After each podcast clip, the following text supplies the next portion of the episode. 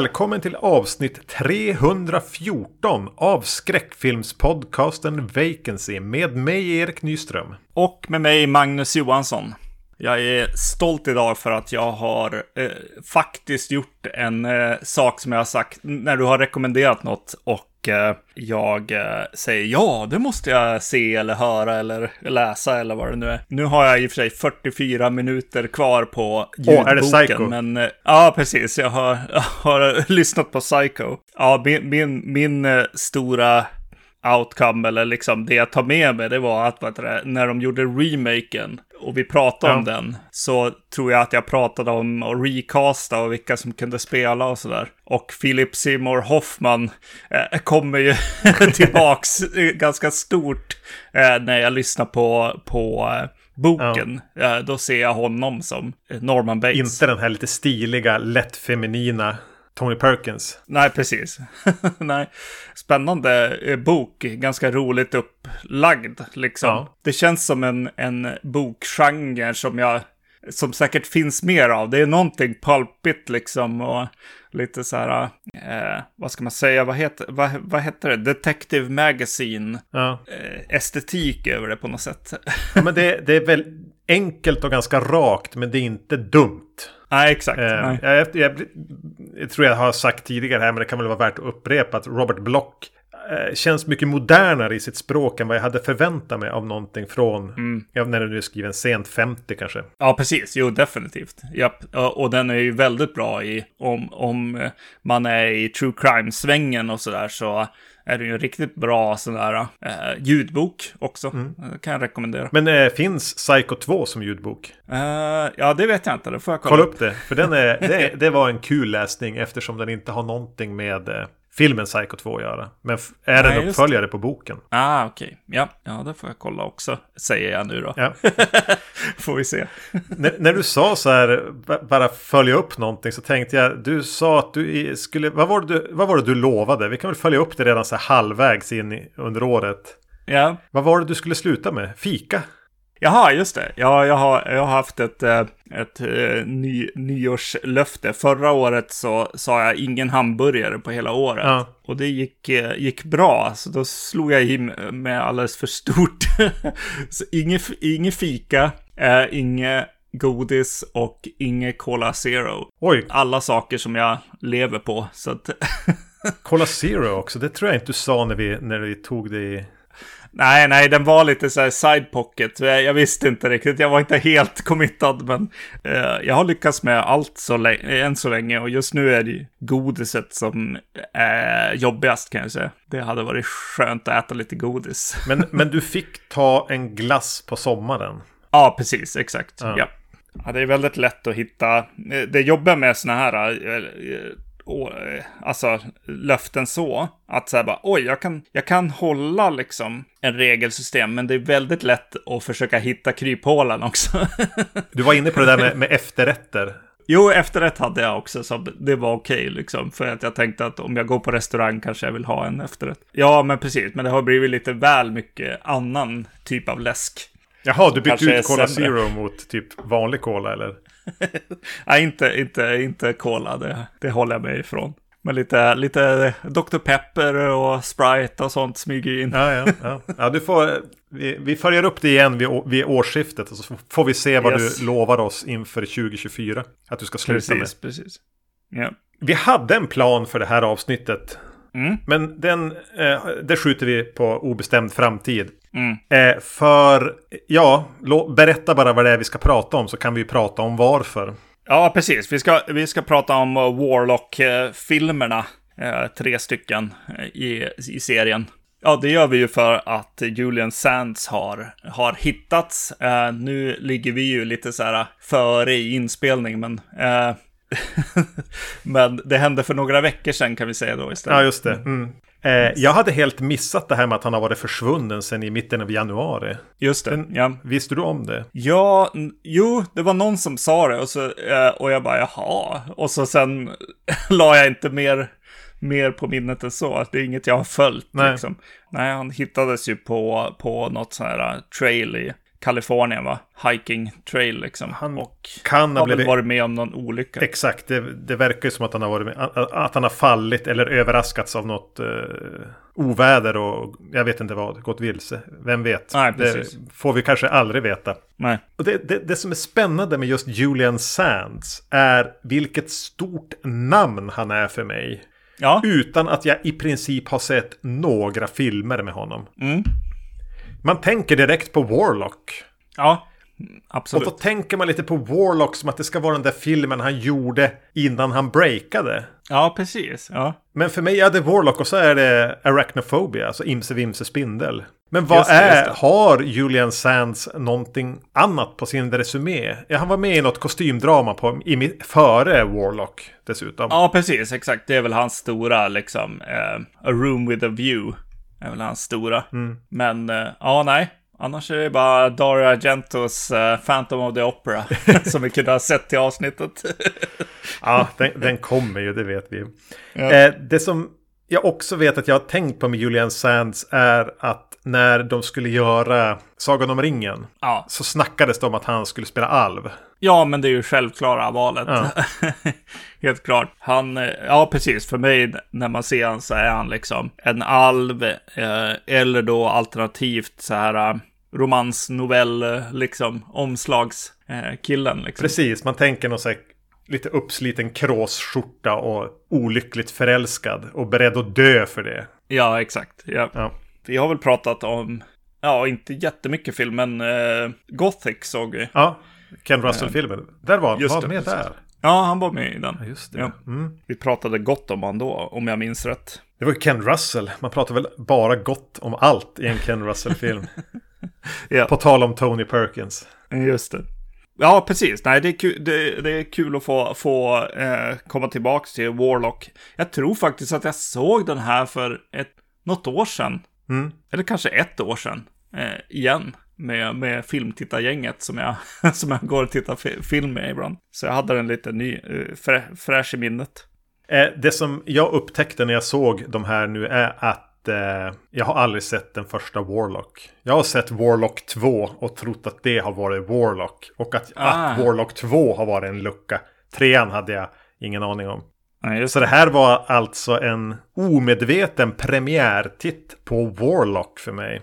Ja, Okej. Ehm, Vilket ju var lite kul. Ja. ja. Ska jag sätta någon, någon, någon eh, premiss för den filmen? Ja, jag vill, jag, jag vill eh, göra eh, eh, det klart med årtalen så att vi gör korrekt här. Absolut. Den är från 1989. Mm. Eh, och innan vi går in på eh, vem som har gjort den så, så, så drar jag den här premissen. Nej, men det här är ju någon slags eh, fantasyversion av Terminator där man har bytt roll på den onda och den goda. Mm. En ond eh, manshäxa ska man väl säga. Eh, eh, Warlock flyr från 1700 1600-1700-talet i New England in i framtiden då, 1989. Han, han jagas av någon slags eh, häxjägare. Och de måste sätta stopp för honom. Eh, för hans mål är att om inte göra skapelsen. Exakt. ja. Eh, Julian Sands spelar då den här onda Warlocken och han, han jagas av Richard E. Grant. Så vi har två brittiska klassiskt skolade skådespelare här. Japp. Richard E. Grant som jag hela tiden brukar blanda ihop med Jeffrey Rush. Det är väldigt svårt att eh, se vem, vem har varit med i vilken film liksom. Ja, Jeffrey Rush är väl australiensare dessutom. Ja, det kanske han är, ja. Men, men de är väldigt lik varann i min, i min syn. Eh, alltid när jag ser Richard E. Grant tänker jag på LA Story med Steve Martin. För då är han med och spelar någon. Jag tror det är det som blir. Det börjar väl med att Steve Martin blir dumpad. Eller hans fru vill skilja sig. Hon har en ny man och det är Richard E. Grant. Jag tror det. Någonting sånt det hänger ihop. Eh, det är en liten. Steve Martin försöker göra Woody Allen med lite klassiska så här, crazy komedi-grejer. Och det är bara en scen där jag tänker på Richard E. Grant hela tiden. Det är när de har råkat ta in på samma Steve Martin och hans nya tjej, jag tror det är Sarah Jessica Parker, eh, Richard E. Grant och Martins exfru har tagit in, råkat ta in på samma hotell eller motell och få rummen vägg i vägg och så de hör varandra ha sex typ. Så på morgonen när de går ut och småpratar lite grann så går Richard E. Grant iväg och så hör man kyrkklockor som slår som ett klockspel. Så här, va? Vad är det där för någonting? It's my damn testicles. Så det är det jag tänker på när jag, när jag ser Richard E. Grant. Tänker jag på att det ska vara kyrkklockorna han går och så klagar han på sina testiklar. Just det. De gjorde, alltså det här vet ju inte du, för du följer inte, inte någon Marvel-filmer nu. Men eh, han var med i eh, Luke-tv-serien som de har gjort för Disney+. Han spelar en så här eh, comic book accurate, eller vad man säger, vad heter det, version av Loke med, med riktiga så här alltså, tights och, och gula horn och alltså väldigt så här uh, old school utstyrsel och en äldre, äldre man också. Rätt kul ja. uh, roll han gör det. Ja, men vem, vem, vem fan har regisserat den här? Ja, det är ju Steve motherfucking Miner som har gjort den här. jag trodde att jag såg fel när den började. Var, ja. var det så här co-producer eller någonting? Så jag spolade ja, tillbaka. Nej. nej, jävlar i mig. Alltså, Precis. vilken idiot jag känner mig som. Jag har inte sett Warlock. Jag visste nej. inte att det var Steve Miner som hade regisserat den. Nej. Ja, det borde jag veta. ja. Snacka om blind fläck här. Yes. Ja, den, den är skriven av en som heter David... Ja, uttalar det där du. T-W-O-H-Y. Tuhi. Tuhi. Tuhi. Ja. Som ju är en ganska eh, välrenommerad manusförfattare ändå. Mm. Alltså han har skrivit... Verkar ju vara egentligen eh, ensam upphovsman till hela Riddick-universumet. Eh, ja, precis. Ja. Men även Waterworld, G.I. Jane och eh, Harrison Ford-klassikern The Fugitive. Precis. Musik eh, Jerry Goldsmith ja. också. Eh, det känns som en halvstor film ändå. Ja. Eh, kanske i efterhand.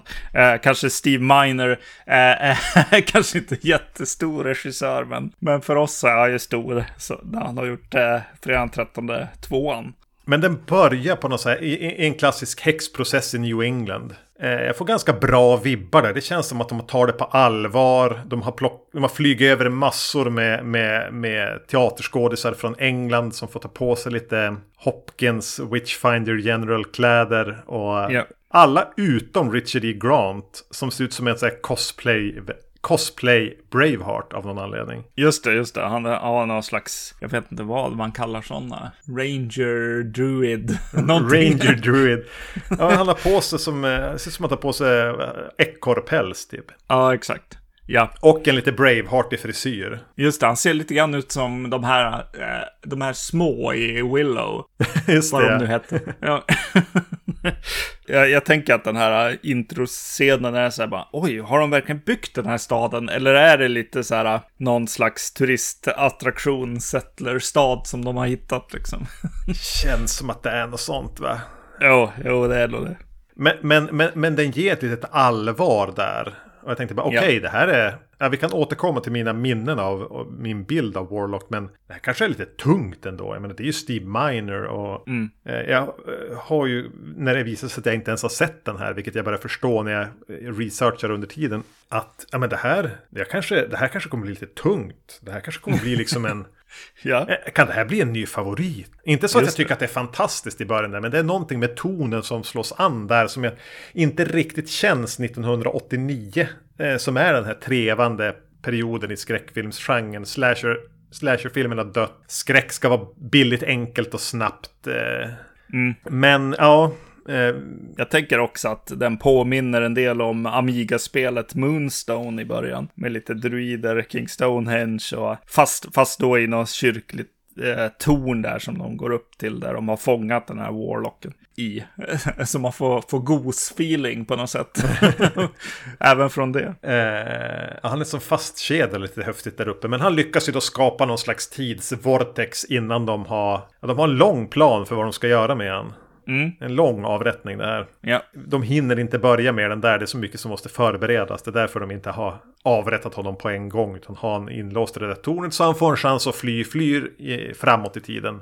Och mm. eh, Richard E. Grant som den modige häxjägare han är kastar sig in i den här portalen efter honom. Ja. Och någonstans efter att han har gjort det så försvinner ju lite den här tunga, allvarliga, seriösa känslan som jag ändå kunde känna att filmen hade. Och vi, vi ja. hamnar i någonting som känns som tv-films Alltså så här Omen 5 eller någonting. ja, alltså jag tror att jag är kvar i, jag tror att, vad heter det, det är någonting för mig som gör att filmer som liksom... Så här, jag fick en väldig känsla av att så här, oj, vad fan tycker jag att production valuen är liksom högre i en bil som bromsar in i en korsning i liksom Boston eller vart de nu är eh, på natten, liksom, än i vilket, vad heter Marvel Cinematic Universe-film som helst att bara få tillstånd att, att filma en, en bil som bromsar in i en korsning. det, är som det, det är häftigare än alla eh, specialeffekter i, i modern film. Så, så jag, jag tror jag ändå är kvar lite i så här, ja men det är klart, vi är ju mer i Chucky territory, liksom budgetmässigt ja. och så, eh, som kommer in här liksom. Men eh, jag måste nog ändå börja ifrågasätta vad du huvudsakligen konsumerar för någonting.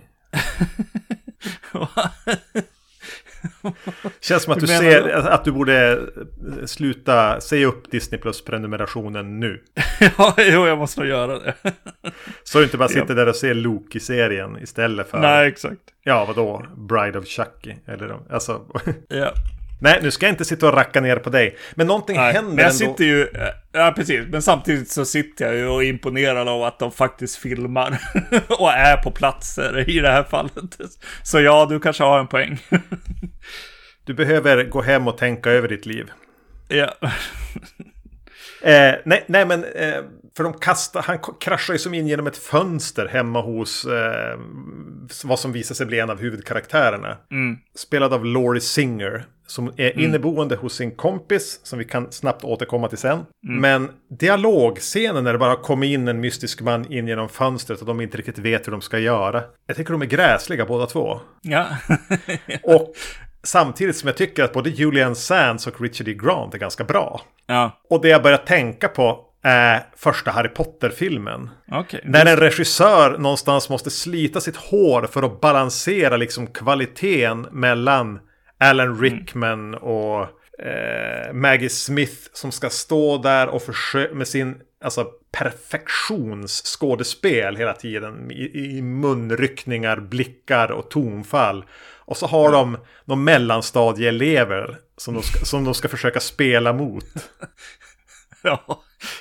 Ja. Jo, det är jobbigt. Och det är jo. den känslan jag får här. Just det. Ja. Eh, jag tycker att mycket av skådespeleriet från, från alltså så fort hon ska säga någonting, Laurie Singer här, då tänker jag närmare på, på ja men första Harry Potter. Eller på tal om Harry Potter, eh, Troll 2. Alltså att det är lite den leveransen i vissa fall. Just det. Ja, hon hjälps ju inte av den här uppstyrseln hon har, hon har fått på något sätt. Hon, hon spelar typ någon slags Not Quite Daryl Hannah i Blade Runner på något sätt. Den här konstiga frisyren som bara får henne att bara, äh, vad, vad händer? Vad, vad, är det för, vad är det för år? Uh, vad är tanken? Vart är vi någonstans? jag, jag, tänker för mycket på hennes, hennes uh, Daryl Hannah-look. ja, hon, hon är ju inte olik Daryl Hannah jag kanske missar, äh, missar en del av skådespelet för jag bara, vad är det för peruk hon har på sig?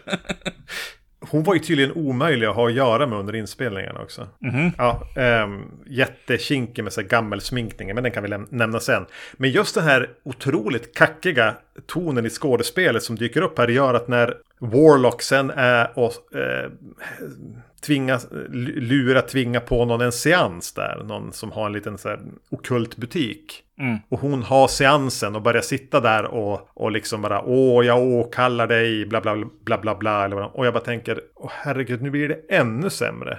Innan det visar sig att ja, men hon fejkar ju, hon är ju som ett fake medium. Ja. Men hennes så här, dåliga, spelade dåliga skådespel är ungefär på samma nivå som det de försöker åstadkomma, Laurie Singer försöker åstadkomma. Och andra karaktärer. Jag ska, jag ska inte säga att hon är ensam om det. Nej. Men bara då en snabb parentes. Hennes, hon är ju inneboende hos en man som väl är homosexuell. Yeah. Kevin O'Brien. Mm. Och vem är han mest? Vad är hans stora roll? Oj. Ja, jag säger Nej. det innan du har gissat klart. Han, spelar, han är med i eh, Fredag den 13 del 3 och spelar Loco. Ah, ja just det. Ja, det är han ja. just det. Han är bättre i den. Ja, ja, ja. Wow, ja, nej, det kände Det kom jag inte fram till. Nej, det är inte när jag såg han. Det här är ren IMDB mining. Just det. Jag tyckte att det var, på, på tal om fredagen 13 så kändes det, jag hade väldigt svårt att veta vart de var någonstans. Först är de i någon storstad och så sen eh, bor de i suburbs eller ute på landet. Och så vet det, för deras hem ser väldigt mycket ut som en fredag den 13 liksom stuga på något sätt. som ett hus som, eh, ja men vad heter de? Eh, ja, som de bor i fyran liksom. Lite så ja. får man en känsla av att jag tror att de kanske bor på en studio backlot. ja, jo, det kan Men vara är så. de inte i LA eller i Kalifornien i början? Eller ja, precis. För sen reser de ju genom landet och är ju i, till Boston. i, i Boston i slutet. Ja, exakt. Jo, jag fick ihop det till slut liksom. Men det var väldigt mycket så här bara, ja, det är ju berg och kulla liksom. Och de tittar ut över stan. Då fick jag bara, ja okej, det är LA ändå. Äh, men husen de är i, de är i fredag 13 land, vart det nu är. Ja. Känns inte så LA. Men det det blir ganska snabbt där är att Laurie Singer och Richard E. Grant teamar upp för att jaga efter Julian Sands Warlock här. För han ska göra en massa saker för att få kunna säga Guds namn baklänges och tillintetgöra mm. hela skapelsen. Den grejen tycker jag är briljant. Ja. Jag blev också väldigt nyfiken på Guds namn och ville pröva säga det baklänges. Mm. Men och anledningen att Laurie Singer här hakar på är ju att av någon anledning, han har inga betänkligheter med att döda folk kors och tvärs här, Warlock, för att, när han ska framåt. Nej. Det är att han kastar en förbannelse på henne som gör att hon blir stötvis äldre. Så över en natt har hon gått från att vara 20 till att bli 40. ja. Och... det ser ju mer ut som att hon över en natt har fått magsjuka. ja. Just det. Men det var här hennes krångel kom in. Hon vägrade använda delar av liksom gammelsminkningen. Ja, okej. Okay. Ja. Helt plötsligt också. Men den är ju fruktansvärd. Det går inte att säga någonting om. Ja, jag, jag blev förvirrad för att det, det var verkligen så bara. Ja, åh, jag har gått från 20 till 40. Först och främst så var hon själv 32. Ja. när hon sluta, du kan sluta ljuga. Och sen är fan 40 jävligt tärt alltså. men, men vi, vi, vi kanske ser ut sådär då. För hon ser ju på ett sätt bara trött ut och det gör ju faktiskt jag också. Så att... ja, hon ser, alltså det ser ut som att hon, jag tänkte bara, alltså, eh, du har just kommit över krönet med att bli bättre efter en eh, rejäl drabbning av magsjuka. Ja, just det. Ja. Så yep. blek, glåmig, håret har tydligen blivit grått. Nej, men den är ju gräslig. Hon har även några konstiga lösnaglar på sig. Ja. Väldigt slappa. Man kan ha ganska skojigt åt hur uselt det är. Men ändå, i tanken, manustanken där är ju inte så dum. Nej. Med att, ja men varför ska hon haka på? Varför ska vi få med den här personen, Sarah Connor-karaktären i sammanhanget? Ja men mm. hon har ju ett egenintresse och hon måste lite guida Richard E. Grant i den här världen. Ja, precis. Jo, jo förvisso, men jag, jag kan nog fortfarande också sätta in den i, i kategorin av filmer runt den här tiden där, eller lite äldre filmer kanske jag bara ska säga allmänt, som har den här den kvinnliga huvudrollen är i princip kidnappad av ja. protagonisten och eh, får följa med genom filmen på något sätt som eh, i Kommando. Terminator, Starman, ja. alltså det finns, det är en hel genre. Japp, japp. Hitchcock gjorde ju sådana här också, typ North by Northwest är ju samma sak liksom. Cary Grant bara roffa åt sig någon, någon dam där. Ja, precis. Vad heter den då? Uh, Three Days of the Condor är väl rätt risig där kan ja. jag tycka. Så det är även något slags gisslandrama. Men de ger henne en liten anledning här. Det är att hon, ja. hon, hon vill ju inte bli stötvis äldre och dö. Tydligen. Mm, mm, nej. Jag tycker att den är en, det är en fartfylld film här i början och, och, och det händer snabbt. Det är så här, ja, vi flyttar oss med, mellan massa platser och så där. Och det händer liksom grejer. Det är någonting som, som känns eh, som jag blir lite nervös att så här, okej, okay, nu, nu är det någon slags fartfylld jakt som ska igång här. Jag hoppas på något sätt att så här, åh, Uh, när vi ser sånt här så vill de ofta komma till någon plats, liksom bara, ja men gör lite setup. Och så sen helt plötsligt kommer det en lång dipp med, uh, och sen måste vi förklara allting också. Ja. Det kan jag inte ändå tycka att den här filmen eh, håller sig från en del. Alltså jag, jag, tycker fortfarande att jag går från scen till scen och det händer saker och man flyttar sig liksom. Ja, med det sagt också så måste jag ändå, ja när du säger ja vi är i tv-land, ja det är vi. Uh, det, det, är alldeles för ljust. Ja. det är ju kanske då inte en skräckis. Det är någon slags äventyrsfilm. Det är lite så här uh, Beastmaster eller, eller ja. någonting som ska göra så här. Eller vad heter den? Fast den är ju mörkare i och för sig, men Masters of the Universe eller något sånt där. jo, just det. Men i det så måste jag säga att uh, Steve Miner kanske, kanske foto. Ja, men foto och klippning, det är väl det eh, jag vill egentligen hylla med filmen. Att så här, eh, här är det någon som har tagit bilderna som behövs eh, det, det, är hopp mellan helbild och närbild och det är parallellklippningar. Det, det, det är liksom bra fångade bilder och hur det sen klipps ihop liksom. Ja, men det är nog, nog för att hålla eh, pacingen uppe. Ja, men hantverket Steve Miner är ju bara alltså en, en snickare. Ja, precis. Han eh, tänker inte att han häller ner sin själ i någonting han gör. Ju, han har ju jobbat mycket i tv av en anledning. Men han är fan en finsnickare. Han kan det här. Och ja, det är ju precis. ingenting i den här som inte som faller igenom. Även om han har gjort betydligt bättre filmer. Ja, precis. Eh, och jag tycker ändå att det är, manuset har ganska mycket, tillräckligt mycket bra stoff Mm. Det jag tror problemet med den är, är att den är alldeles för ambitiös och stor för sin budget. Yeah. Så då måste de göra den här fulsminkningen på Laurie Singer och det känns bara lite så här fattigt olika grejer som händer dem på vägen. Ja. Att idéerna bakom det är mycket större och den här hade kanske behövt en dubbelt så stor budget. Eh, mm. för för de, de har ju tänkt ut mycket runt Warlocken här. När han mm. hittar det här odöpta barnet och dräp, äter han ett odöpt barn. Mm. Då får han förmågan att flyga. Ja. Alltså sådana där små grejer som någon ändå har suttit och tänkt ut och skrivit in i filmen. Mm. Och som bygger en lore. Ja. Men, men... Ja, jag vet inte riktigt om det tar ihop så bra. Ja. Det är ju fantastiskt när han står där på poserandes Julian Sands på en gunga eh, också. Ja. I någon av scenerna. Ja, han är ju väldigt het alltså. Väldigt tantsnusks eh, bokomslag på något sätt här. väldigt romance novel. Och, och det är lite kul att ha det som skurken på något sätt i en film också. Jag tror att, undrar om det var Steve Miners idé eller om det var någon av de andra inblandat. De valde egentligen, alltså jag tror det var en switcheroo här, att tanken var tvärtom. Ja, ja. Eh, och att de castade Julian Sands mot vad han egentligen brukade spela. Just det. Men jag är så van att tänka med han. För säger någon Julian Sands då tänker jag Warlock. Ja. Så jag är så van att se han som elak. Men absolut. Eh, mm. min, min idé, tankebild av honom är som en, en ond manshäxa. Men ja, de, gjorde, de gjorde det klassiska bytet här. Och jag tror ju att det fungerar bättre. Richard E. Grant hade nog varit ganska trist som Warlock. Medan den här tantsnusks-blondinen Mm.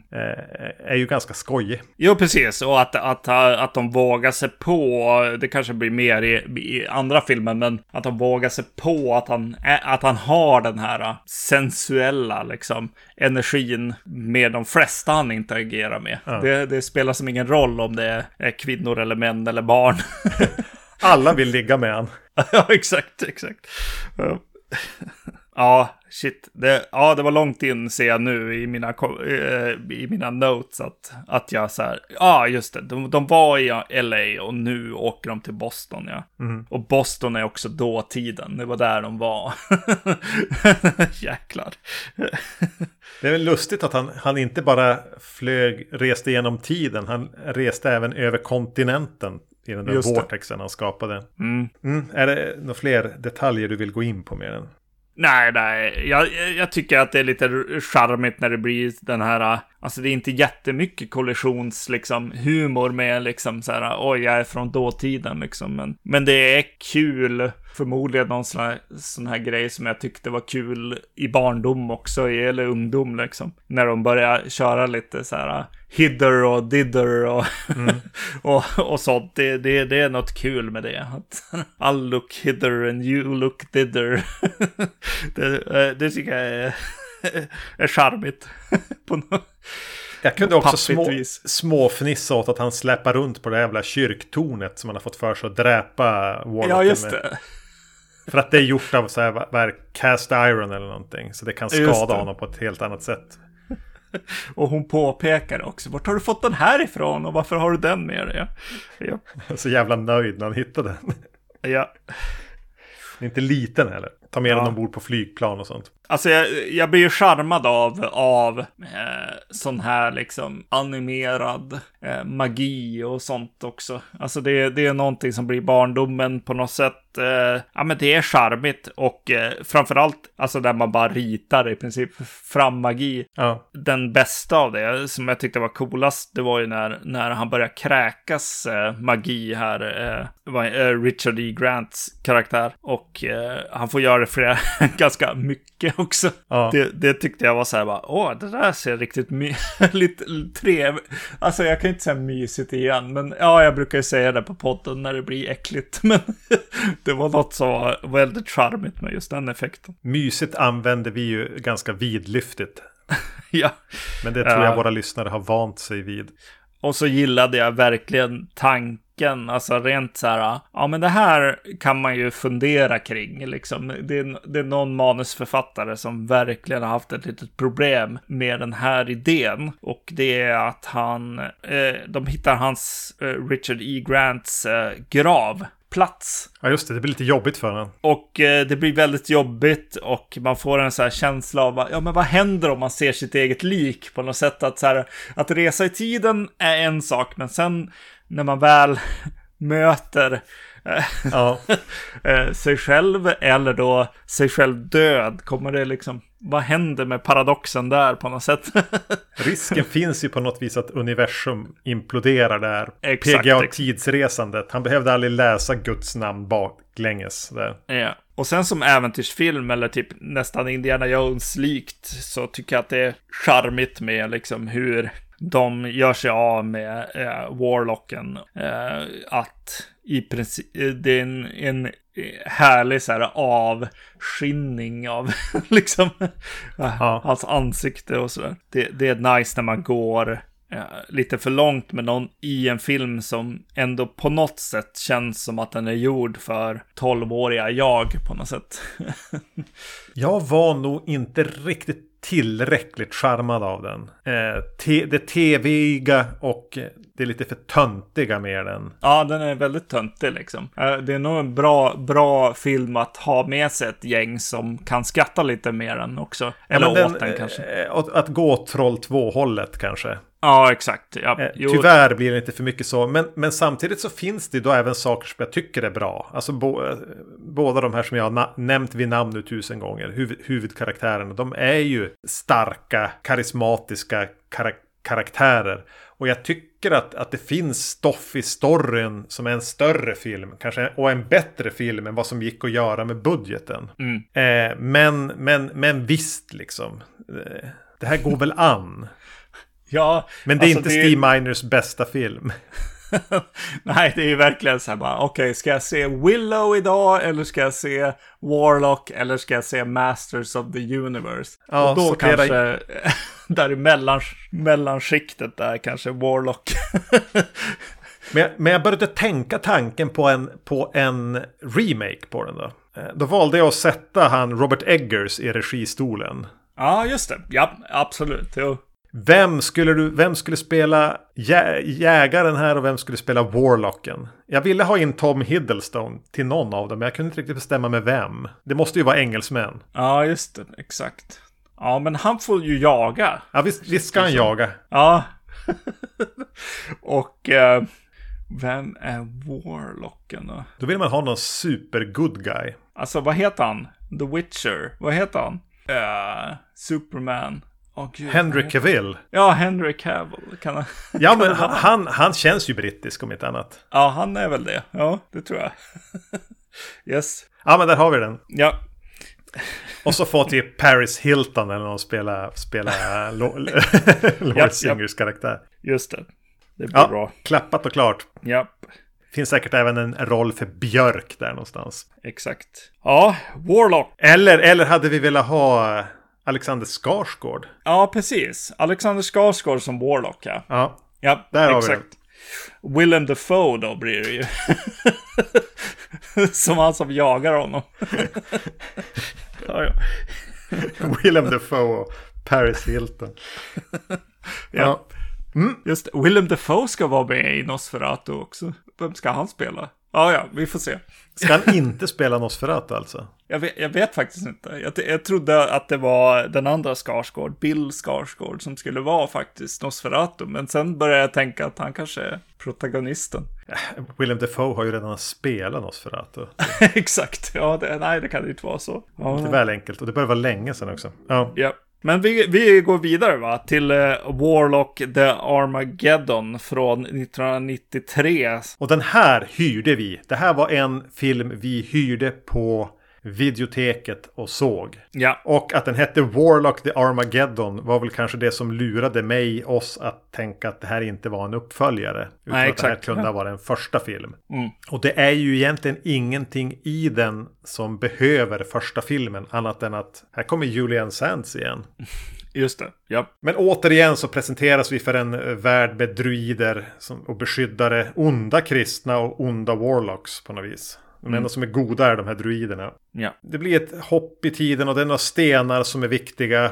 eh, Och druider som lever bland människor som någon slags beskyddare. Vi presenteras för en ung man, pojke, som bor på, på, på en håla som är en av de här utvalda väktarna. Julian Sands kommer tillbaka för att hitta fyra eller fem, eh, ett antal stenar och när han har de stenarna kan han hämta Satan till jorden. Japp. Men, men druidgänget här ska ju, ska ju eh, beskydda världen och ducka för beskyllelser från, från eh, kristna.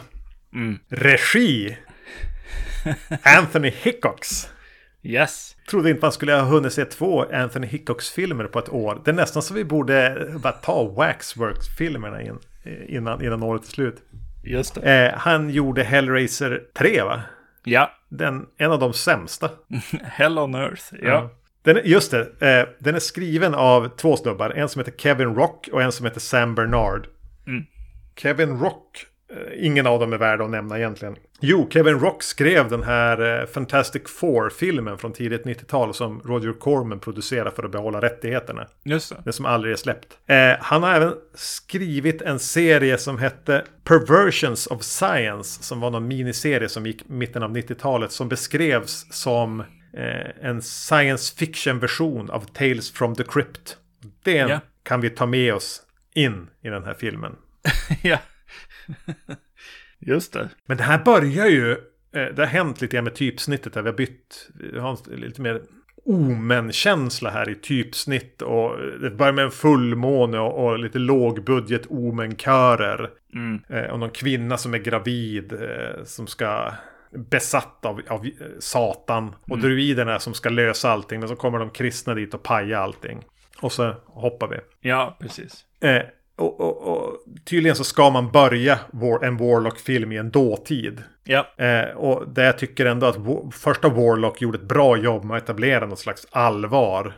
Mm. Så känns det här ju mer som ett eh, början på Xena, Warrior Princess eller någonting. Åh nej! Vad roligt att du sa just det. För jag, jag eh, sa så här om förtexten, jag skrev ner. Shit vad Sam Raimi, den här födseln känns. Eh, och eh, jag kunde ju ha skrivit Evil Dead. Ja. men, men jag skrev Sam Ra- Raimi. Eh, och ja, det, det, det är absolut det. Det, det är tongue chic. Det är eh, någon som har eh, sett på lite slapstick samtidigt. Som, som eh, eh, han vill göra en demonrulle på något sätt. Ja, ja. japp. Men det är inget vidare bra in cheek. För det blir Nej. inte den här Sam Raimi-energin eller eh, där det ändå så här verklighet, alltså dallrar lite grann. Vad som helst kan hända på ett, antingen blir det jätteotäckt eller så blir det lite roligt, jag vet inte vad. Nej. Det är ganska otäckt att vara i det. Ja. Det här är mer, eh, och återigen, vi är i tv-land.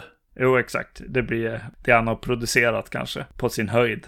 Mm. Ja, det är precis. Det är druider, det är liksom eh, såna här eh, små stenar med, ja, vad, vad heter det? Ru- runstenar altare och eh, Stonehenge. Det är liksom ja. allt man kan tänka sig om det ska handla om warlocks och druider liksom eh, här. Om man vill, om man vill eh, spela ett eh, drinking game på det här avsnittet så kan man ta en shot varje gång vi säger druid. Just det, druid. Ja, det är bra.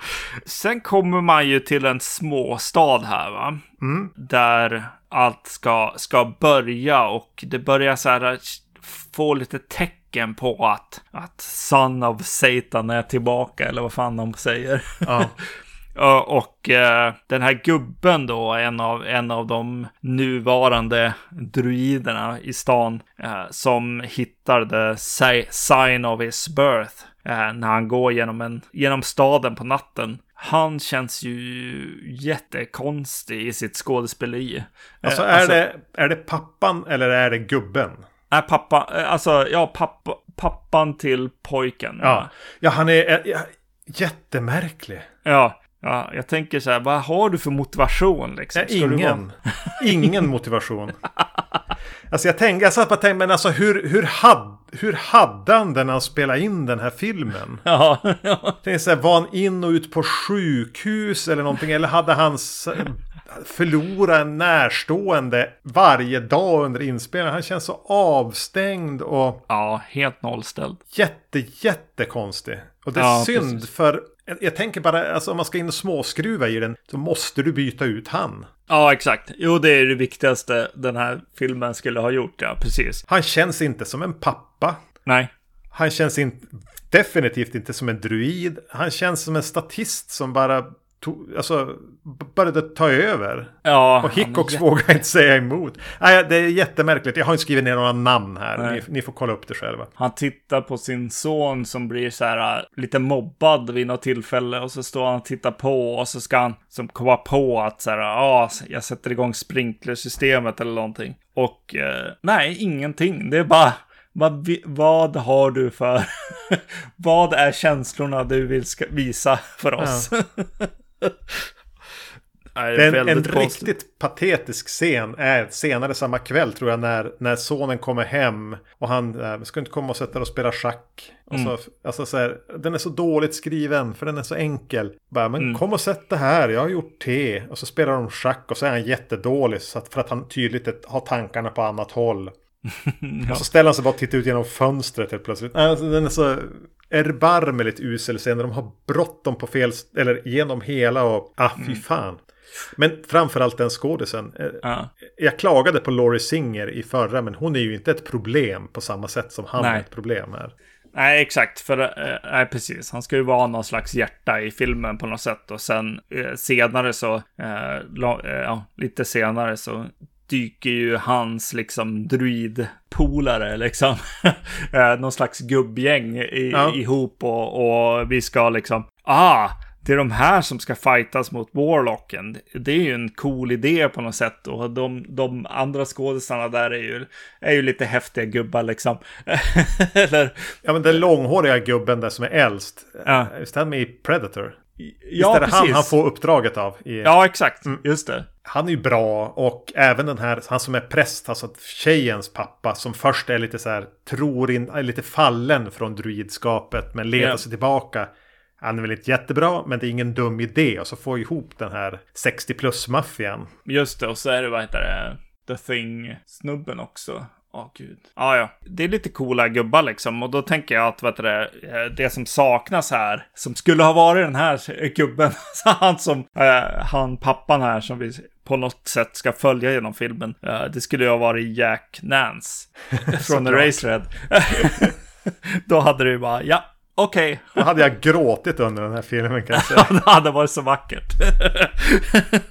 men nej, Uh, fick vi inte. Ja, men överlag ska man väl säga att det svajar lite i skådespelet. Ja. Äh, även hos eh, sonen här och dottern. Ja, ja exakt. Sonen och, och dottern här säger du. Men ja, de är inte de... syskon. De är förälskade. Utan ja, har... exakt. Ja. De, de, har två olika druidpappor. ja, och druid, är inte druidmammor men. Men de är the chosen ones på något vis. Men de vet Exakt. inte om det. The Warriors. Men eh, något jag vill komma eh, backa tillbaks till, det är ju efter då att vi har sett den här gubben och allting och, och tecknena är där, han ska komma tillbaks till liv. Då kommer ju en scen, alltså en scen. och det är ju eh, det här, den här födseln. Ja, just det. En, en eh, kvinna går eh, till sitt fönster och tittar upp på månen. Hon verkar vara lite okult intresserad kvinna. Just det, exakt. Och det blir månförmörkelse och Eh, helt plötsligt så blir hon tvärgravid, slängs upp på ett bord där det står en massa vinglas och annat. Eh, de krossas och hon ligger där på glaset och eh, ja, men magen växer jättefort och helt plötsligt så föder hon ut en någon slags geggaklump där. sen ramlar hon av bordet och ser, ja, sen kanske till och med hennes hund blir mördad av Hunden den här är sur på geggaklumpen där och, och, och, och, slukas av den på något vis innan, innan eh, Julian Sands liksom föds ur den där klumpen. Ja, exakt. Sen krälar hon sig genom eh, glas och sitt eget blod från den här nakna mannen som kommer gående eh, efter henne. Ja, just det. Mm. In, in på toaletten och eh, sen så skriker han sönder Uh, hennes trumhinnor så det börjar blöda ur öronen och uh, glaset från fönstret och speglarna uh, exploderar rakt in i hennes kropp. Det han gör är att han så här hissar sig själv upp och tittar in på henne genom det är som ett fönster ovanför dörren in på toa, ett halvmånefönster. Och liksom ja. Som en bebis skriker öppna mamma. Mm. Jag tänkte på, på så här, vad heter det, Udokir i Riket. Ungefär den, den vibben. Ja. Den, den där scenen är ganska skev. Den är ganska skev alltså. Den är ju inte för jag är ju i modet nu av att så här, ja men Warlock är lite så här äventyrsfilmer eh, med lite skräckinslag liksom. Mm. Och eh, den här regissören eller manusförfattaren eh, har lite annorlunda gränser. jag blir lite påmind om kritiken vi skräckfilmsintresserade eh, får ibland. Att det är verkligen så här bara en massa lidande av kvinnor liksom på något sätt. Ja. och, och, och eh, om det är en scen som ja, men bevisar det kanske så kan jag tycka att det är den här. Jag tyckte att det var riktigt så här, bara, vad fan händer? Eh, nej, men, nej men Hickox är väl en som vill göra skräck bara. Ja, precis. Jo, jo. jo eh, och, och Ja, men han, han gillar ju de här scenerna, det är de han har levt för. Jag tror att han har övergivit det här småstadsmyset ganska mycket.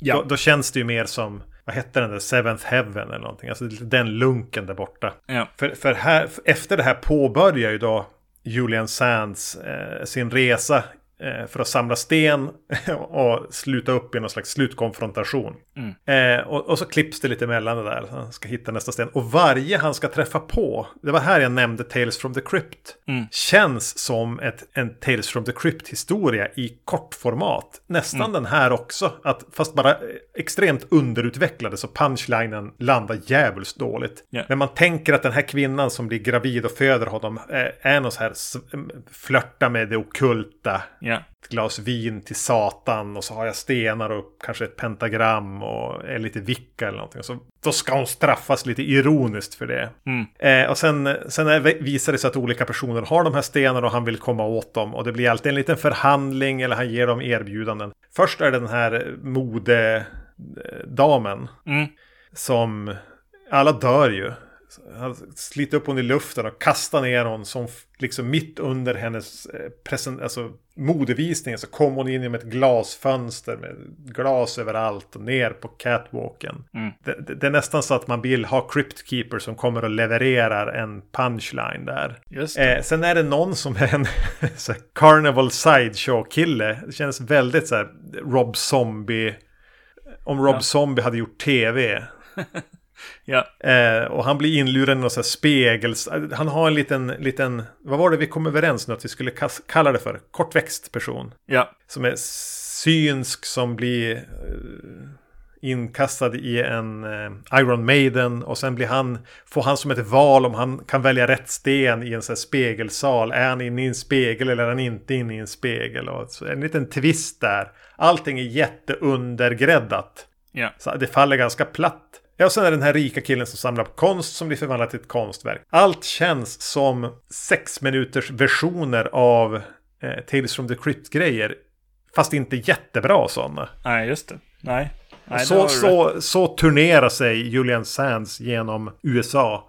Mm. Och han har ju någonstans här även övergått till att vara mer en eh, slashermördare. Ja, precis. Jo, det blir Wishmaster skulle jag säga. Ja, ja Eh, visst. Lite också. Att, det- att det ska vara lite tematik och lite så här uh, ironi på något sätt. Ja. Men jag gillar att han kör runt. Den första chauffören han har är någon död taxichaufför. Mm. Som får köra han trots att han är död. Ja, just det. Precis. Jo, precis. Det fick mig att tänka på, vad heter den, den filmen då? Highway to Hell. Eh, att att det, det, är lite så här... uh, Ja, det är bara lite tokrolig road movie på något sätt. Eh, och eh, med, med skräckinslag. Och det, det blir ju mer så när de hamnar på någon mack där också. Eh, de här uh, druiderna. Nu får ni ta en klunk. Eh, det, eh, håller på med någon voodoo-löv. Ja. som de hugger i och Warlocken börjar så blöda på macken. eh, Och eh, Hade ni bara fortsatt med det där hade ni ju som kunnat avsluta filmen redan 40 minuter in. just det, ja. ja.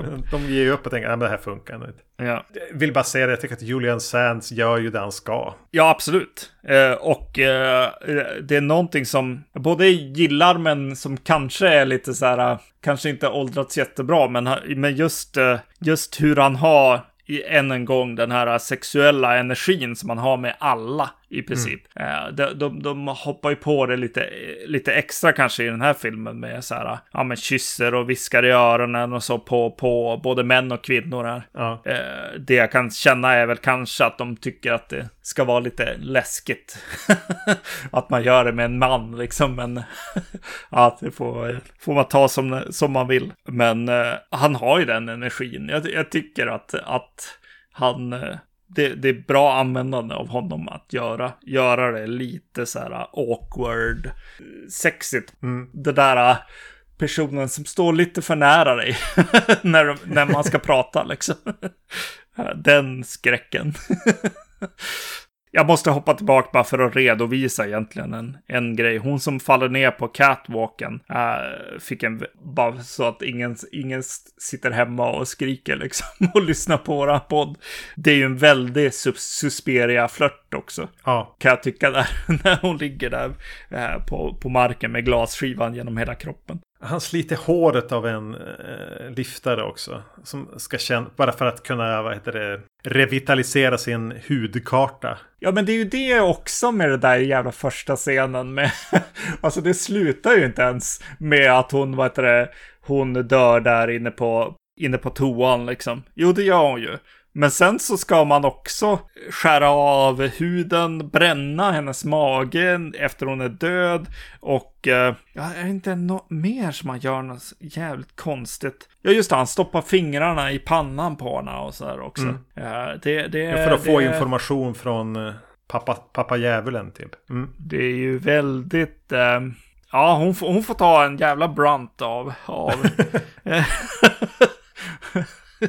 De som vill göra caset att skräckfilm bara handlar om att utsätta kvinnor för en massa skit. De skulle Ja. kunna dänga upp Warlock, eh, The Armageddon på, på bordet. Ja, men ska Yes. vi ägna oss lite grann åt eh, druidgänget i den mysiga småstaden då? För det var, det är all, mina minnen av Warlock kommer ju bara från det här. Mm. Och för att man tydligen ska bli så druid plus Ja, så ska man dö. ja, Det var ett ganska eh, ocharmigt sätt på, på att hantera det. Han bara skjuter sin son i bröstet med en hagelbössa. ja. Ja, det hade, det hade funnits andra sätt. Kanske mindre smärtsamma och definitivt säkrare sätt att ha ihjäl någon. Ja, Men, men det är någonting att hela det konceptet med att du måste låta dig själv bli dödad för att ta ett steg in i en annan fantastisk värld som är som våran. Som kliva in i ett hemligt sällskap, få speciella förmågor. ja, För hans eh, kärleksintresse här, hon gör ju samma sak sen. Mm. Men hon, hon gör det mot sig själv. ja, Och jag minns så väl att hela den där tanken att nu måste jag dö. ja. Nu ska jag döda mig själv och då kommer jag liksom, och det kommer göra ont och det kommer vara obehagligt och allt är jätteläskigt. Men det kommer att leda till någonting. Ja. Det har hängt kvar. Alltså det där kan jag, den scenen kan jag tänka på fortfarande när jag tänker på Warlock. Just att hon väljer liksom att sticka kniven i, i magen på sig själv. Jag tror att jag, jag, jag har haft här återkommande drömmar om det. Om att du måste dö för att. Och nu ska du dö. Och så måste jag genomgå en död i en dröm. För att. eh, Ja, så kanske jag får superkrafter. Eller jag blir odödlig eller någonting. Vem vet. Ja, Men man ska genom dödsögonblicket och bli återuppväckt. just det. Ja. Eh, eh, ganska kraftig så här Kristus eh, eh, metafor. Men ja, det där, det, där har, det där gjorde tydligen ett intryck på mig när jag såg den. När vi hyrde den. Vadå kanske så här 94 eller någonting. ja. För det var det jag mindes från den egentligen. Julian Sands och att hon sticker kniven i buken på sig själv i ett kök. Jo, alltså det är ju minnesvärt, särskilt som ung, ung gissar jag. För att Mm. eh, det är både så här, ja, pappan kan inte hjälpa henne, eh, fast hon, hon ber sin pappa eh, döda, Döda, henne. ja. Eh, det är någonting där som är jobbigt eh, och han, han kan inte göra det. Och så helt plötsligt sticker hon eh, kniven i magen och det är ju inte så att det är liksom teater, utan det är verkligen bara, ja men här är ju en specialeffekts eh, tillfälle, så det sprutar ju blod också ur, ur såret liksom, som hon hugger sig i. Det, det är väl effektfullt på ett, på ett Ja, på ett sätt. Ja, men det är väl här han, han tycker att det är roligast att göra film i. För jag, samtidigt så känns det ju väldigt, vad heter det, förhäxad, eh, eller, alltså, eh, Aaron, heter han Aaron Spelling, eh, tv-serie. Mm, Jo, men det är ju, och det är ju det som gör att det känns lite skevt. Att vi har å ena sidan så här eh, Julian Sands som slafsar sig igenom USA. Mm. Och, och, och, och att vi har de här scenerna i något som känns som en, jag menar, en Aaron Spelling-serie. Eller Seventh Heaven eller någonting. Ja. Det känns ganska käckt och gulligt allting. Mm. Och så här, lagom mediokert skådespel hela vägen. Jo. Men sonen här, vi, Ja. kallar, vi kallar dem för sonen och för dottern. Och Ja. de är ihop, men de är inte syskon, så det är helt okej. Ja. Han, eh, förutom att han är ganska dålig, jag tycker att hon är bättre. Mm. Han, han genomgår ju det här tidigare och får som börja ett slags här, tränings... Alltså, tänk eh, Luke Skywalker på Dagobah. Ja. Och fan i mig om inte musiken lånar lite från Star Wars. Gör den inte det? Ja, eh, definitivt. alltså, de Jag kanske bara, var snäll där. här kommer Luke Skywalker träningspasset liksom. Och musiken hänger med helt klart. För den gör det inte bara en gång, utan det händer fler gånger i filmen. Att eh, Ja. varje gång han ska träna så kommer den tillbaka. Eh, första gången lite charmigt eftersom att den bara säger ja men det här är väl lite kul hörni. Mm. Är det inte. men sen när de gör det en gång till så bara ja, är det fortfarande kul eller vad tycker ni? Eller har du bara snott någonting här nu för att ni inte orkar göra någonting eget? ja. ja, Och den, den lyckas ju inte heller skapa någon konflikt i den här träningen han måste genomgå. nej. Så, han vill det ju. Ja, Och han gör det ju.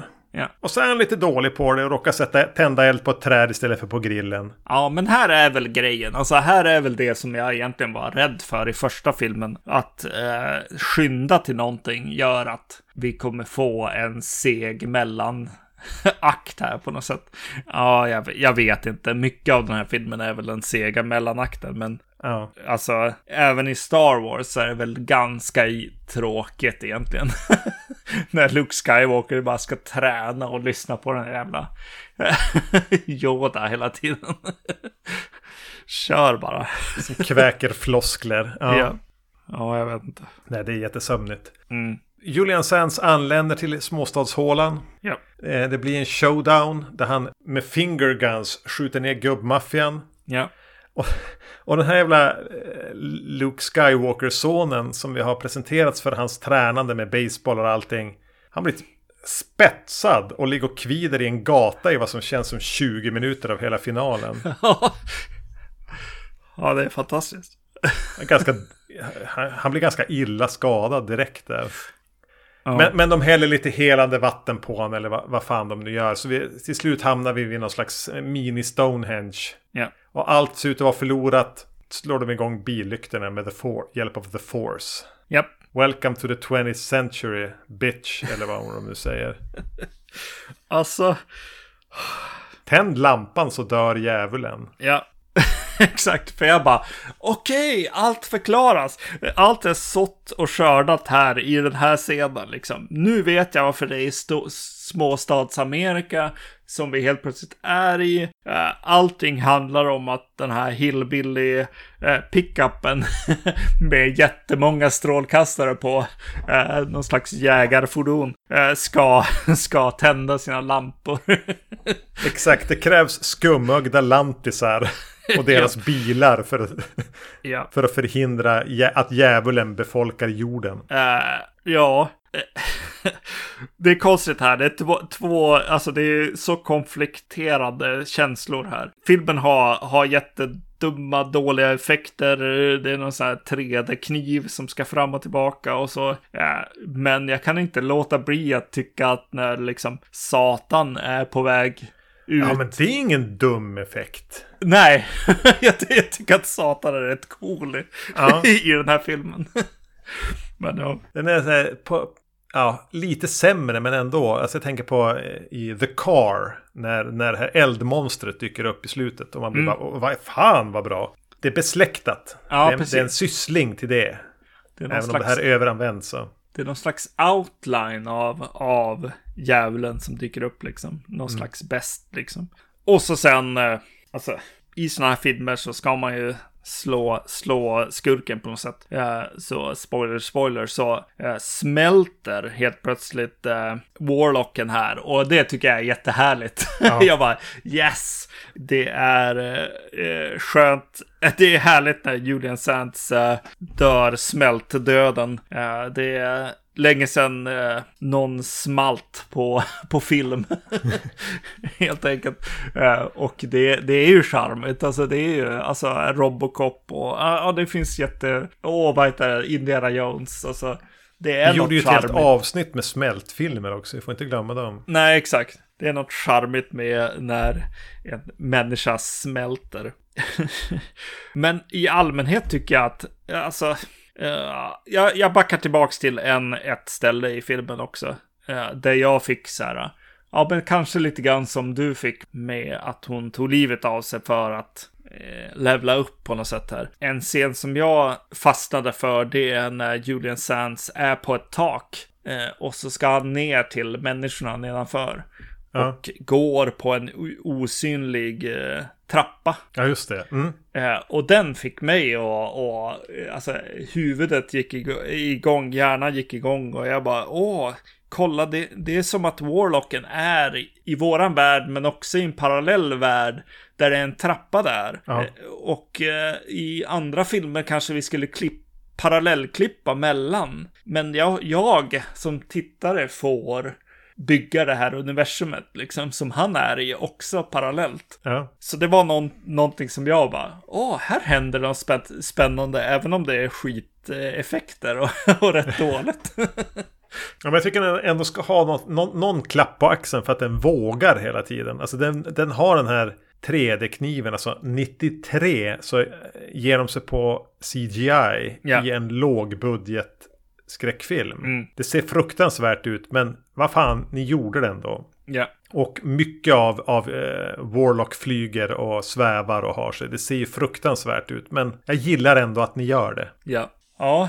Och sen, sen när man har gjort en skräckfilm liksom. Då kommer det någon producent eller någon manusförfattare eller en regissör som är jävligt kåt på att göra eh, Carrie-slutet. Ja. Eh, vi ska ha en sista jump scare. Kan vi, kan vi komma på något bra Carrie-slut? Eh, ja, vi tar Carrie-slutet. Varför inte? Jag tänkte nästan lite grann på, på uh, Jason Goes to Hell också. Alltså det, sanden där känns lite likadan. Just det. Den är ja. som gjord för att skjuta upp något genom. Japp, japp. Eh, men just att det då är The Birthstone som eh, skeletthandeln lyckas ta med sig ner till helvetet gör ju att då The Warlock har en chans att komma tillbaka. Just det. Ja. Så de sår. Sår Warlock 3. The End of Innocence från 1999. The End of Innocence låter som en Paradise Lost-låt. Just det, ja. Eller skiva. Ja, eller ett kostymdrama med Julian Sands. ja. eh, druid. Fick ni dricka. Eh, den är regisserad av, ja fan, så det börjar bli mörkt i rummet här. Eric Fraser. Ja. Och den är skriven av några, där jag tydligen bara skrev upp den ena. Men jag vet att Eric Fraser hade varit med och skrivit den. Pierce Milestone. Ah, det här är inga som, som, som eh, jag kunde göra några associationer till. Nej, nej, nej. Ja, det fanns ingenting. De har gjort lite medioker film på 90-talet och 00-talet. ja, ja. Den tar som ett nytt avstamp. Skakar av. eh, Sa vi året här? 90, 99 va? 99 direkt till video. Ja. En kvinna i college åker till ett hus för att gräva i sitt förflutna för hon har fått veta att hon är adopterad. Hon tar med sig sina, sina kompisar dit. Det dyker upp en Julian Sands liknande snubbe klädd i svart som verkar vilja henne och dem illa. Ja. Eh, den börjar med en någon eh, som tappar bort, förlorar sitt barn i skogen till en som hon kallar för Warlock. Ja. Som är en Julian Sands liknande, men inte Julian Sands, i skinnjacka Mm. på 1700-1800-talet. Mm. Ja. Det här var någonting vi hade kunnat råka hyra, visst? Ja, absolut. japp, japp, japp. Ja. Hade, ha- hade vi inte lik- eh, blivit semivuxna och börjat så, här, plugga och flytta till olika städer så hade vi nog förmodligen gjort det. ja. Men jag har inget minne av att ha sett den här tidigare. Nej, samma. Ja men du, vem spelar kvinnliga huvudrollen? Ja, precis. Det är ju Ashley eh, Lawrence från, eh, från Hellraiser, Kirsty. Ja, som vi gillade där. Ja, precis. Just det. Hon kommer tillbaks i en av filmerna där. i- Hon är med i tvåan och i... Ja, Ja, i kan du tvåan. säga det på rak arm? Vilken den andra Ja, uppföljaren nej, hon är nej, med det i? kan jag inte säga. Eh, men tvåan får hon ju vara eh, slasher, eh, final girl. Och det är hon ju här också. Ja. Hon presenteras, eh, går till sin liksom eh, lägenhet eller där hon bor liksom. Och Det är en studentkorridor typ. Ja, eh, precis. Det är det som jag inte förstod överhuvudtaget. För det är bara vuxna människor som är med i den här filmen. Ja. Så hon, hon blir liksom på något sätt ö, eh, lite smått eh, överfallen av sin rollspelande, eh, sexuellt rollspelande liksom, eh, pojkvän eh, som vill få igång någonting. Eh, Och Han lyckas också. Ja, precis. Jo. Och sen så, så åker liksom kameran ut genom eh, studentkorridorsdörren. För jag, först var jag så här bara, ja men det måste ju vara lägenhetskomplex, men, men sovrummen är direkt innanför dörren, vad Ja. vad konstigt. Eh, men det var mycket, det var eh, senare som jag bara, aha okej. Då åker den ut i korridoren, kameran, genom dörren, eh, med någon så här liten fejdning som de gör. Ja, helt okej. Ja, ganska snygg åkning på något sätt, särskilt ut ur, ur lägenheten. Och sen åker den liksom längs korridoren och åker in i allas, eh, alla i korridorens rum. Först möter vi liksom en, eh, någon slags deppig eh, grabb som sitter på sin säng och lyssnar på deppiga kärlekslåtar. Spelar lite på en gitarr också. Just det, ja. Ja. Eh, och så får vi ett eh, par eh, som eh, håller på med SNM-sex. Eh, eller någonting liksom. Eh, Vi kallar det för det. lite kinky. Eh, Och sen så åker den vidare till en hobbyhäxa som lägger lite tarotkort. Mm. Och min fråga blir ju direkt, vilket rum vill du vara i? Jag skulle nog gå in till den där deppiga killen och lyssna på hans musik. Om han lägger bort gitarren. Exakt. Själv. Jo, ja precis. Jag, jag, jag kände själv att jag är nog den där äh, ensamma gitarrsnubben. Äh, men äh, trivs nog bäst äh, i den här hobbyhäxans rum. Alltså jag skulle ju absolut inte vilja vara i Ashley Lawrence rum i alla fall. Nej, exakt. Ja. Nej. Det, var, det, det är det jag väljer bort. Mm. Ja, det där var lite skoj. Sätt att presentera. Det är de här ni har förhålla er till nu. Ja, exakt. Alltså jag har ingen aning om vart jag är någonstans. Jag vet inte om det var för att jag började se den sent eller, eller så. Jag bara, vart, varför får jag se alla de här karaktärerna? Vart ska den här filmen? Jag förutsatte ju att de presenterade någonting här. Ja. Men sen så får ju hon det här brevet. Oh, du, du, det här historikern hört av så du får åka till det här huset. För det är ju så att du är adopterad. Ja. Eh, och, men det berättar de inte. Nu har du en chans kanske där. För det där är en förfäder. Bla bla bla. Du, kanske kan hitta något som talar om vem dina biologiska föräldrar är. Hon har i princip ärvt ett, ett stort hus. Alltså det är ju... Det är Kalle Anka. Manusförfattar 101 på något sätt. Ja, ja.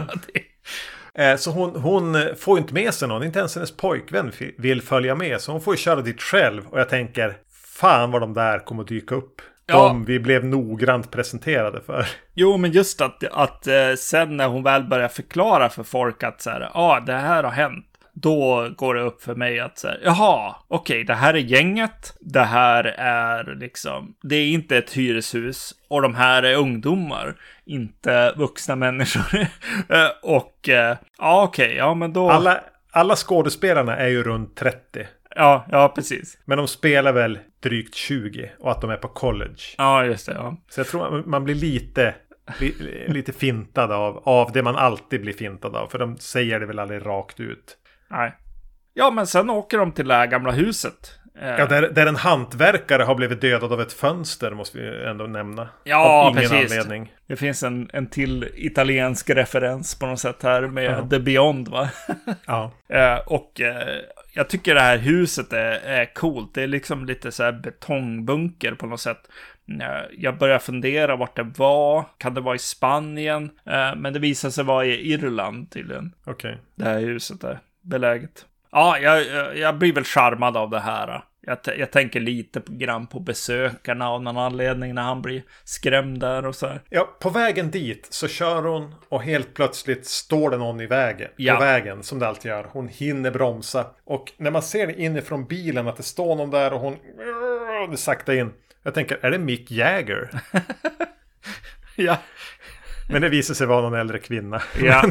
Men om ni ser den här, eh, när hon börjar bromsa, titta noga på personen som står i vägen och fundera, är det där Mick Jagger? Ja, ja. ja, men det är en bra Crazy Ralph kan jag tycka. Ja. Jag tycker att det är en skön, skön stopp där som hon får. En varning. Ja, Men sen, sen etableras de i, i, i huset som är liksom kallt och dragigt och de ska bara hänga där med henne. Mm. Och så dyker det upp då den här historikern, kan vi kalla honom för det, som, som har några brev, som en gammal gubbe, som var den som kontaktade henne om huset. ja, Men ungefär samtidigt dyker det upp en arkitekt ja. som borde, väl egentligen skulle ha spelats av Julian Sands, men, men han hade gått vidare till annat. Mm. Eh, som har ihjäl den här mannen för han är ute efter några brev som han har i fickan. Några uråldriga brev. Mm. Eh, och sen hänger liksom eh, Warlocken här med dem. Ja, Ser lite ut, om man vill, om man kisar, som Kevin Spacey fast med ett eh, blondare, längre hår. Har du några förslag? Vem tänkte du på? men jag tror att jag har referensen. Alltså jag vet vem det är på något sätt. Han är, han är med i Passenger 57 eller vad den heter med Wesley Snipes. Och är eh, någon skurk där. Och han är väldigt action actionfilmskurk på något sätt. Ja, för, för när jag såg honom tänkte jag, åh, han skulle ha kunnat spela någon av Hans Grubers hantlangare Ja. i första Die Hard. Jo, precis. Nej, men han han har verkligen eh, den grejen för sig. Semi-elegant brittisk thug. Ja, ja. Men det blir, ja precis, det blir lite, ja men vadå, jag öppnar korten, jag, jag, jag spelar ut allt. Mm, Eh, eh, det, det det blir är att jag känner att jag är tillbaks i uh, Hellworld, eh, i, i Hellraiser med eh, Lance Henriksen. Han går omkring Den är och- mycket bättre. Hellworld Forever. Ja. Eh, han går omkring och vis, visar runt un, ungdomar liksom. Det är de, den vibben man har här i ett gammalt st stort hus liksom. Det är konstigt att han hänger där. Hon, eh, alltså Kirsty från Hellraiser, eh, hon eh, eh har konstigt, alltså hon har inga, inga vibbar av att det här är något konstigt. Nej. Utan hon bara, ja men det är, så här är det nu. Eh, hon bara, go with the, with the flow. Och han är ju bara där och dräller runt och tittar på huset. Ja, Vi har en 50-årig man som glider runt i huset här. Vi vet sällan var han är. Ibland dyker han upp och vill vara våran vän och vill äta med oss. Och så försvinner han och bara går runt här inne. Ja. Ingen vet vem han är. Men det är väl okej. du ska väl, du ska väl åka snart eller? Nej, jag tror jag stannar, säger han. Så bara, jaha, okej. Du är ju arkitekt så. det är så konstigt. Ja, ja. ja, och den hamnar ju där i något, att den blir fruktansvärt sömnig. Jag hade otroligt svårt att hålla fokus. ja. Däremot så är den ju inte... Det blir som att jag vill jämföra den här hellre med Hellraiser-filmer än med Warlock-filmerna. Den känns inte som den har någonting med Warlock-serien att göra. Nej. Utan att eh, ja, men den, den har ett stadigt foto. Den, den hänfaller inte åt eh, så här lökiga digitala effekter. Eh, där den ska så här, börja skaka på kameran eller göra jump cuts eller någonting. Eller uppspeedade åkningar. Mm. Den, den är ganska stillsam. Eh, kanske att den hade behövt något av det där jag just pratade raljant om. Ja. För den, den blir så sövande. Men, men, men om vi ska då försöka lyfta det. Vad är det han gör där? Ja, han vill ju åt någonting. Ja. Eh, kan du berätta vad det är? Jag vet inte riktigt. ja, just det. För han får... Det är någonting med hon, eh, huvudrollen. Hon är ju i rakt nedstigande led en ättling till någon som han har en beef med sen typ 1600-talet. Just det. Den där kvinnan i skogen som förlorade sitt barn som var också en häxa men som använde en docka Ja. eh, för att ta tillbaka sitt barn. Men inte dödade honom. Nej, just det. Och så, och så för att liksom försvaga henne så ska han få saker av hennes kompisar. Eh, deras liksom stöd på något sätt. Ja, Han ska vända deras lojalitet mot henne. ja exakt. Det känns som, vad heter det, en dokusåpa det här. Ja, ja. ja. Alltså jag måste fastna lite grann i, i att du sa så här, ja, stillsamt foto och så. Ja, det är det ju. Och det är så här, samtidigt så är det en otroligt... ehm, Ja, men den behöver lite edge, helt klart. Eh, Det, det är bara så här, ja, filmade lite så här scenografiskolan, har gjort lite, lite scenografier och det räcker en bit, men inte hela vägen. Framförallt så måste jag klaga på, och det här brukar jag inte göra, men jag måste klaga på ljud, ljudläggning och musikläggning. eh, Ja, det är någonting med ljudläggningen. Eh, Det är som att den inte är mixad eller färdig på något sätt. Det är all, alla Steg saker har inte konstiga. ljudeffekter. Ja. Och, och framförallt så är det en scen som bygger mycket på ljud för att hon, hon- ja, men hon går omkring och det, det är någonting som jag tror ska vara fönsterluckor som slår. Det är så otroligt dåligt mixat och liksom, jag, jag fick sån lust att bara ta med mig den här filmen till jobbet och titta med våran ljuddesigner och bara, vad händer i den här scenen på något sätt? det, det är väldigt det är väldigt dåligt och eh, liksom eh, inte klart. Det är flera gånger när jag upplevde att karaktärer gick. Att det var någonting med stegen. Ja. Alla stegen lät exakt likadant. Mm. Exakt, det är som att de har lagt, eh, jag vet inte, vadå, lägger man någon slags första spår först? Liksom bara, ja, här ska det vara ljud, här ska det vara Ja, fotsteg. referensspåret så här. Ja. Här behöver vi det, här behöver vi det. Nu går ni och gör det. är väldigt märkligt. Alltså, eh, ja. Och det är så jobbigt för att de gör sen en scen då som ska handla om ljud. och det blir så Ja. väldigt dåligt. Jag, ty- jag tycker då att det är genomgående med, med hur man gör den här filmen. Jag, ty- jag tycker att en lågbudgetfilm som den här, tv-film, ska vara väl genomskriven, kanske planerad lite sådär. Det kan vara så att den tappar lite feeling då. Eh, eller att man inte har hantverket på något sätt. Det tycker jag verkligen att den här filmen eh, lider av på något sätt. Att den är, den är både så här eh, förarbetad på manusnivå, eller så här, man har bra idéer, men man kan inte utföra dem. Det är väl det Ja. jag försöker säga helt enkelt. Det är en, en scen där eh, våran huvudperson får, kommer till huset och ska gå och sova. Och det finns en spegel i rummet. Ja, just det. Mm. Och eh, hon tittar i den, blir lite så här eh, små, små, småkåt. det är dags. eh, så hon börjar nästan klä av sig och känna lite på sig själv framför spegeln. Och så sen, ja men får hon för sig att nej, jag ska inte slutföra det här inte. Eh, och så vänder hon sig om och då är spegelbilden förvriden och liksom lite demonisk och så här. Kör, kör en, en, en repertoar Ja. medan hon tittar bort. Japp.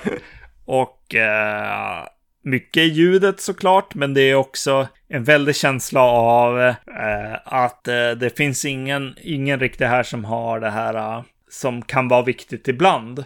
Och det är perfektionismen, liksom att nej, det där blev inte bra. Utan det är väldigt mycket, eh, duger det? Ja. som gäller här. Vi går vidare. Ja, dug det, nu kör vi, nu går vi vidare. Men vad tycker du om scenen när han förvandlar den här hobbyhäxan till jag trodde först det var is, men det visade sig vara porslin. Och så slår han sönder henne. Ja. Och så hittar hon sen bara, vad är det här för konstigt kross på golvet? Och tar upp någonting. Det här ser ut som ett finger. Det har ju min kompis ring på fingret. Mm. Eh, alltså, det finns sådana här små fragment av någonting som inte var så dumt. Jag tänkte ibland när den här filmen är som bäst så är, äh, tänker jag på Blair Witch 2. Att den är lite i de ja, krokarna. Men eh, det är en märklig film att sätta upp som någon slags eh, målbild. Mm. Att vi vill vara, när vi är som bäst vill vi komma i närheten av Blair Witch 2. ja. Men att, att han kunde få lite de vibbarna. Att han, att han vill jobba med den här gruppdynamiken. Kanske, kanske är det egentligen mest bara för att båda de filmerna har en eh, Wicca fangirl. Just det, just det. Ja. Men du, en scen som jag mm. kommer minnas kanske. Ja. Hon är jagad av, av Warlocken i slutet. Hon hackar sig igenom någon vägg. Och jag har, jag har loggat ut ganska ordentligt ska jag säga. Jag har svårt att foka på filmen. Ja. Och så kommer hon som fram, fram till en liten öppning i huset där hon kan titta ut. Och så tittar hon ut. Och så ser hon sig själv springa ut. Tittar hon som ut genom den där öppningen. Och då ser hon sig själv springa uppifrån. Ut genom skogen. Ut genom skogen. Ja. Ut genom skogen. ja. Vad var det för någonting?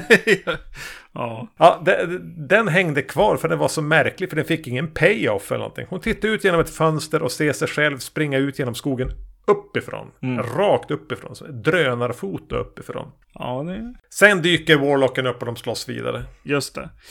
Ja, men just när hon slår sig ut genom väggen, då, då får jag en liten så här, ja men då får jag ju eh, Giallo och eh, Dario Argento-feeling liksom. Det är skönt när, när huvudroller försöker ta sig genom väggar, eh, eller hitta något bakom en vägg. Och sen när hon står och springer ut genom det här hålet i väggen och springer lite grann genom skogen, eh, då är, gör sig fenomena musiken sig påmint. Det är någon slags kvinna som kör lite så här körsång till syntmattor helt plötsligt. Ja. Mm. så bara, va? ja, okej. Okay. Ja, vi gör en liten referens här också. Ja, det här känns väl återigen som en film som hade mått bra av att ha Bruno Mattei. Ja. Som regissör, alltså bara någon ja. dåre. Enda gången jag kände att så här, filmen bara, ja men här, här brydde sig någon. Eh, det är när de helt plötsligt har en liten bild på eh, huvudkaraktären i de här dockkläderna. Eh, Just det. Mm. det. det. är en liten så här flash bara av att hon sitter eh, i dockkläder helt plötsligt. Och så bara allt det här de har så här flashbackat till och den här dockan och allting var värt någonting. När de helt plötsligt har, har huvud, huvudkaraktären här i dockkläderna. I bara en, en snabb flashbild liksom. Någon har brytt sig att klä på henne de där kläderna och ta ett foto. Den som nog, ja, ja, men jag nämnde en jag kommer minnas och no, en annan scen där någon har brytt sig. Mm. Är, eller nej, det kanske inte är någon som har brytt sig, det blev mer en lyckträff. Mm. Eh, men eh, Warlocken vänder ju hennes vänner mot henne. Mm. På olika sätt. Viskar i örat, säger det, bla bla bla. Men sättet att hon, han har vänt den här gitarrkillen som är dödligt förälskad i henne eh, mot henne är ju att han har som på något vis kunnat filma när hon pratar tidigare i filmen om att men, Terry, ska jag åka dit med Terry? Ja, eh, verkligen någon att vara ensam i ett ödehus. Ska han kunna skydda mig? Mm. Eh, och det spelas som upp som att man har projicerat bara en billig projektor på typ en stenvägg. Yeah. Hon ser inte ut som Ashley Lawrence och den bara nöts på och rep repeteras. Så som att hon blir hånfullare och hånfullare varje gång hon säger det. Nästan att den byter lite vinkel. Yeah. Ja, hon har sagt exakt det där. Yeah. Men det där är ett annat sätt att återberätta det på. Mm. Eh, som inte riktigt gör hennes leverans av det rättvis, men ganska rättvis. Ja, precis. Det, det, det tyckte jag ändå hade någon li, li, liten, liten gnista av inspiration. Ja, ja, jo, absolut. Det var väl där man började känna något. Ja, ja, ja precis. Jo. Jag, jag tycker att Hell, Hellraiser, höll jag på att säga. Alltså allvarligt, jag höll på att säga det. Eh, eller jag gjorde ju det. Eh, men Warlock ska nog faktiskt vara ute och röra sig mellan Uh, locations och, och vara lite mer av en road movie. Uh, det, blir, det blir ännu mer instängt än Hellraiser-filmerna för mig. Mm. De här, för det blir så tydligt att oj, nu blev det, nu blev det annat. Låg budget här. Det krympte budgeten än mer. Ja. ja. Jag menar, han är ju, alltså den här skådisen är ju bra skurk. Uh, sådär. Mm. Han, han, gör ju ett gediget arbete liksom med att vara skurk liksom. Eh, men han är ju lite mer actionskurk och Julian Sands hade ju definitivt, definitivt gett filmen lite annan ton. Det är någonting, den här alviska romansnovell-grejen skulle ha gjort det lite intressantare när han eh, pratar med de här eh, och övertalar de här människorna. Jämfört med den här som du nästan är rädd för att om du inte lyssnar på honom och gör som du säger så kommer han att bryta armen av det. Ja, precis. Eller, eh, eller liksom usin kommer fram. Eh, ja, ja, det här blev ju sista av de här filmerna va? Så att eh, det är inte jättekonstigt. Det, det är en till imponerande tillfälle, I guess, är att den här filmen faktiskt har en eldstunt i sig. Liksom. Det är någon som, som faktiskt, eh, eh ten, en stuntman som faktiskt tuttas eld på. Och det var jag absolut inte beredd på med den här budgeten. Nej, men det här var fortfarande tiden då de kanske gjorde det. Ja, precis. Mot... Det gör de ju inte i dina Marvel-filmer och serier som du Nej, precis. Men i, i, tillbringar i... övrig tid med att se. Nej, men precis. Men i, men i Warlock, the, the Armageddon, så är det ju liksom så brinner Warlocken vid något tillfälle och man ser liksom så här, eh, vad heter det, video interlacing, liksom strecken ja, ja, ja. på den. och det var ja, det här är inte, inte det. Så det var lite imponerande i slutet av en film som uppenbarligen eh, har en väldigt låg budget. Nej men eh, för att sammanfatta. Mm. Jag har inte tänkt kalla det här för en trilogi. Det råkar bara vara tre filmer ja. som vi har pratat om. För att eh, någonstans hedra Julian Sands. Yeah. Om man ändå ska se en av dem så ska man lika gärna se två av dem. Ja, För jag håller inte ettan och tvåan som speciellt åtskilda. Nej. Se båda då. Ser du en av dem så likväl att du ser den andra. Mm. Eh, det går att hitta saker som är bra i båda. Eh, framförallt går det att hitta saker som är dåliga i båda. Det här är ingenting man behöver se överhuvudtaget. Nej. Och framförallt inte tredje filmen, men det, det visste man väl egentligen på förhand. Alltså, där Warlock 1 har ju väldigt mycket att göra med liksom de här, ja, som jag faktiskt har varit, blivit mer och mer sugen på att se mer av. Det är ju den här typen av barbarfilm, eller det heter inte Swords and Sandals, det heter typ Swords and, uh, alltså Wizards. uh, Sorcerers. ja, precis. Uh, typen av, av film. Den har, den har lite, lite mer av det i sig, vilket jag tycker är rätt mysigt på något vis. Alltså jag, jag ser fram emot att se om, vad heter den då, som, eh, som vad heter han, Fantasm-snubben, Don Coscarelli gjorde, vad heter den? Uh, Beastmaster? Ja, Beastmaster. Och, ja, sådana filmer som dem, liksom. Ja. Warlock har, har det i sig, men, men med ett litet så här kanon uh, films uh, filter på något sätt. som, alltså, jag såg om jag såg om Masters of the Universe för ett tag sedan. Alltså, en månad sedan kanske. Alltså, jag, jag, jag har en förkärlek till det. Den är inte skräp. Nej, exakt. det, det är inte skräp. Konst, konstigt nog, det är många som ser det som, som väldigt mycket skräp, men ja, ja, det finns någonting jäkligt charmigt med det också. Är det så här Beastmaster, Eh, Masters of the Universe och Dungeon Master. ja. Är det ett avsnitt? ja. Ut på, ut på internet och beställ film. Ja, nej, så, så jag får sån vibb av, av Warlock och jag gillar den här äh, resan till, till nutid på något sätt. Den används inte jättemycket, men äh, Richard E. Grant, att han har de här kläderna på sig är ganska viktigt för att få den äh, rätt känsla på något sätt. uh, nej, jag, jag, jag, tyckte om att se om Warlock. Jag tyckte eh, Warlock The Armageddon var, var, var lite, alltså den hade väldigt stora tonförändringar på något sätt. Enorma. eh, och eh, och eh, jag tyckte inte om Warlock 3. The End of Innocence. Jag skulle vilja höra från den lyssnare som tycker om Warlock 3, The End of Innocence. Ja, ja precis. Och jag kommer även att undersöka om det faktiskt finns en Paradise Lost-låt eller skiva som heter The End of Innocence. Just det, ja. Ja, det, det, här var våran Julian Sands Tribute, även om vi naturligtvis kommer att prata om Arachnophobia någon gång. Ja, precis. Och Phantom of the Opera såklart. Oh ja, vi är inte klara med Sands här inte. Men det är jättetråkigt att han gick bort genom en jävla onödig olycka. Ja, precis. Jo, ja men skönt för hans familj att han är hittad också. Verkligen.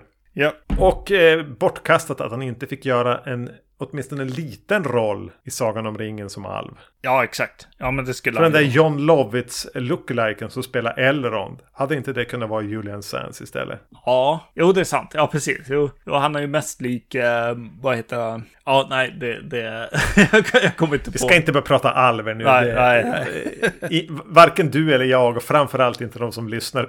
Ingen vill höra det här. Han hade varit en bättre Elrond. Ja. Japp. Vi nöjer oss så. Yes.